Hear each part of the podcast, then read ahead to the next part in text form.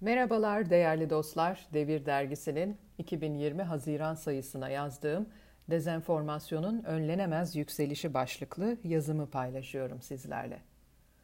Korona sürecinde çoğumuzun düşündüğü acaba insanoğlu kendini düzeltecek mi? Pandeminin aynalamasıyla kendi gerçekliğiyle yüz yüze gelip bireysel bir yenilenme ile hızla yuvarlandığı tüketim çılgınlığını fark edebilecek mi sorularıydı.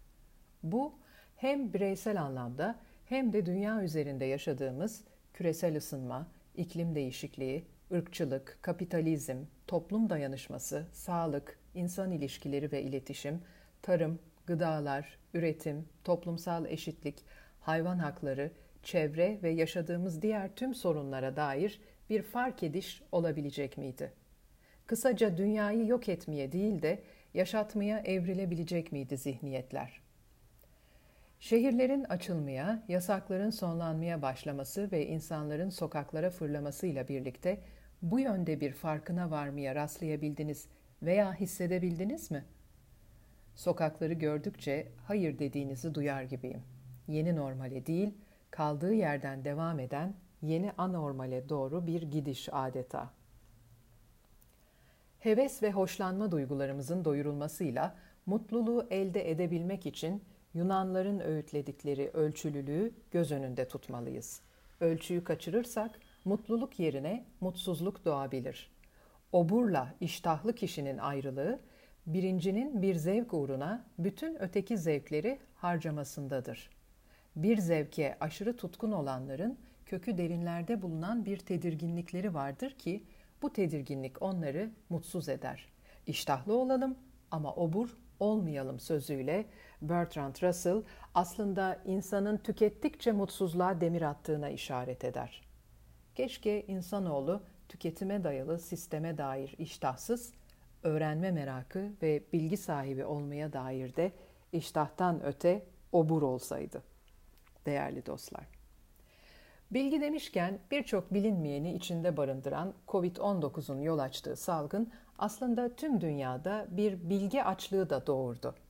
Virüsün ne olduğu, nasıl korunulacağı, bulaşması, tedavisi hızla internette araştırılırken ortaya çıkan bilgi kirliliği sonucu pandemi bir yeni kavramı üretti.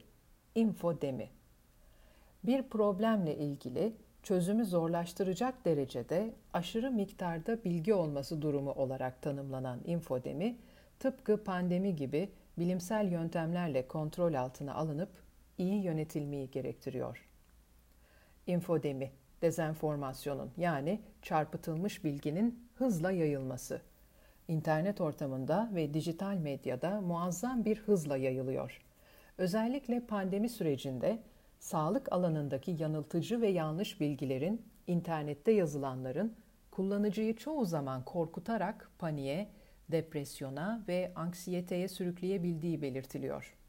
Öyle ki sosyal medyada yayılan yanlış bilgilerin yıkıcı etkisi olduğu ve kişilere yaygın bir mutsuzluk hissi verdiğini söyleyen Amerikalı terapist Dr. Steven Stosny, kişiler üzerindeki bu etkiye headline stress disorder yani manşet stresi bozukluğu diyor. İnternette yayılan yanlış bilgiler aynı zamanda kişiler arasındaki ayrımcılığın ve gerginliğin de artmasına neden oluyor.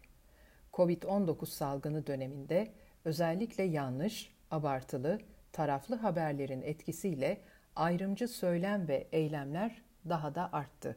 Bunu sizler de takip edip gözlemlemişsinizdir. Günden güne kutuplaşan, ayrıştırılan bir dünyada da Türkiye'de de infodemiyi önleyebilmenin en etkili yollarından birisi şeffaflık ve açıklık. Özellikle kamuoyuna servis edilen haberlerin teyit edilmeden, araştırılmadan, eski bilginin yeni bilgiyle güncellenmeden paylaşılması medyada hemen her gün bu konuyu bizlere tecrübe ettiriyor. Ve görüyoruz ki servis edilen bir haberi araştırıp sorgulamadan koşulsuz şartsız kabul edip inanan insan sayısı azımsanmayacak derecede fazla. Doğru bilgiyi merak edip araştırmak artık neredeyse bir zahmet, bir külfet olarak algılanır oldu.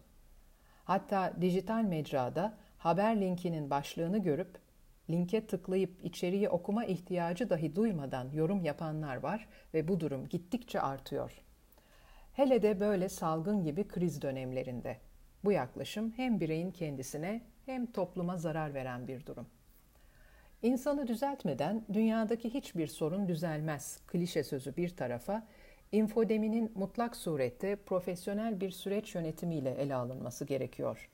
Yoksa bilgi kirliliği toplumların, kurumların ve bireylerin üzerine adeta bir çığ gibi düşüyor, manipülasyon için bir menba teşkil ediyor. Bu noktada fact yaklaşımı yalan haberlerin tespit edilmesinde önemli bir yöntem. İngilizce find, assess, create ve target kelimelerinin baş harflerinden oluşan fact yöntemi, dezenformasyon kampanyalarına karşı doğru tepkileri verecek mekanizmaların kurulmasına da yardımcı oluyor. Bir diğer konu da tüm bu sorunların rayına girmesi adına ahlakın ve eğitimin yükseltilmesi. Russell'la devam edersek kendisine sorulan bir soruya verdiği cevap aslında her şeyi özetliyor. Bundan bin yıl sonrasında yaşayan nesillere yaşadığınız hayat ve bundan çıkardığınız dersler hakkında ne söylerdiniz diye soruluyor Bertrand Russell'a. Ünlü filozofun cevabı ise oldukça kısa ve öz oluyor. Biri entelektüel ve biri de ahlaki olmak üzere iki şey söylemek isterim. Onlara söylemek istediğim entelektüel şey şu herhangi bir konuyu incelerken ya da herhangi bir felsefeyi değerlendirirken kendinize sadece ama sadece gerçeklerin ulaştırdığı doğruların ne olduğunu sorun. Asla dikkatinizin inanmak istediğiniz ya da inanmanızın toplumsal açıdan daha avantajlı olacağını düşündüğünüz şey tarafından dağıtılmasına izin vermeyin. Sadece ve sadece elinizdeki gerçeklere bakın.'' Ahlaki şey ise çok basit. Sevgi bilgeliktir. Nefretse aptalcadır. Her geçen gün daha fazla etkileşime girdiğimiz dünyamızda toleranslı olmaya ve bazı insanların bizim hoşlanmayacağımız şeyleri söyleyebileceğine alışmalıyız. Ancak bu şekilde birlikte yaşayabiliriz. Eğer birlikte ölmek yerine birlikte yaşayacaksak bu gezegendeki insan türünün devamlılığı için kesinlikle elzem olan tolerans ve birbirimize olan saygıyı öğrenmek zorundayız diyor ünlü filozof. Tabii bu noktada yazılarımda hep değindiğim sahici sahte etik konusuna dair Profesör Doktor Ioanna Kuchuradi'nin nefis örneklemesine değinmeden geçmeyelim. Diyor ki Profesör Kuchuradi, iki bakkal var. İkisi de doğru tartıyor. İlki insanları kandırmaması gerektiği için bunu yapıyor. Diğeri müşteri kaybetmemek için. Asıl olan ilktir. İkincisi ise sahtedir, göstermeliktir, müsameredir. İşte bu farkı herkese öğretmek gerekir. Sahici olanla sahte etik yaklaşımları insan üzerinde de kurumlarda da fark edip ayırt edebilmek sahte olana, göstermelik olana, gösteriş odaklı müsamerelere prim vermemek, toplumda iyileşmeyi de beraberinde getireceği gibi arkasında konuya dair derinlemesine bilgi sahibi olmayı da gerektiriyor. Salgın öncesi maskelenmiş yüzler, hayatlar, tüketim patolojisine ve gösterişe endeksli ilişkiler ve insanlar arasında steril kalmaya çalışıyorduk. Salgınla birlikte şimdi ise görünür maskeler ve hijyen kurallarıyla gerçekten steril ve sağlıklı kalmaya çalışıyoruz. Acaba sahici sahte etik ayrımına varmada yeniden açılan şehirler ve peyderpey sonlandırılan yasakların ardından dile getirilen yeni normalle birlikte şimdi daha mı zor işimiz ne dersiniz? Yoksa çok daha kolay mı? Zira vasatı da sahiciyi de sahte etiği de fark edemiyorsak onun bir parçasıyız demektir. İtibar da zaten her zaman için bireylerin ve kurumların kendi gücüne ve doğru bilgiye yaslanarak oluşur, güçlenir.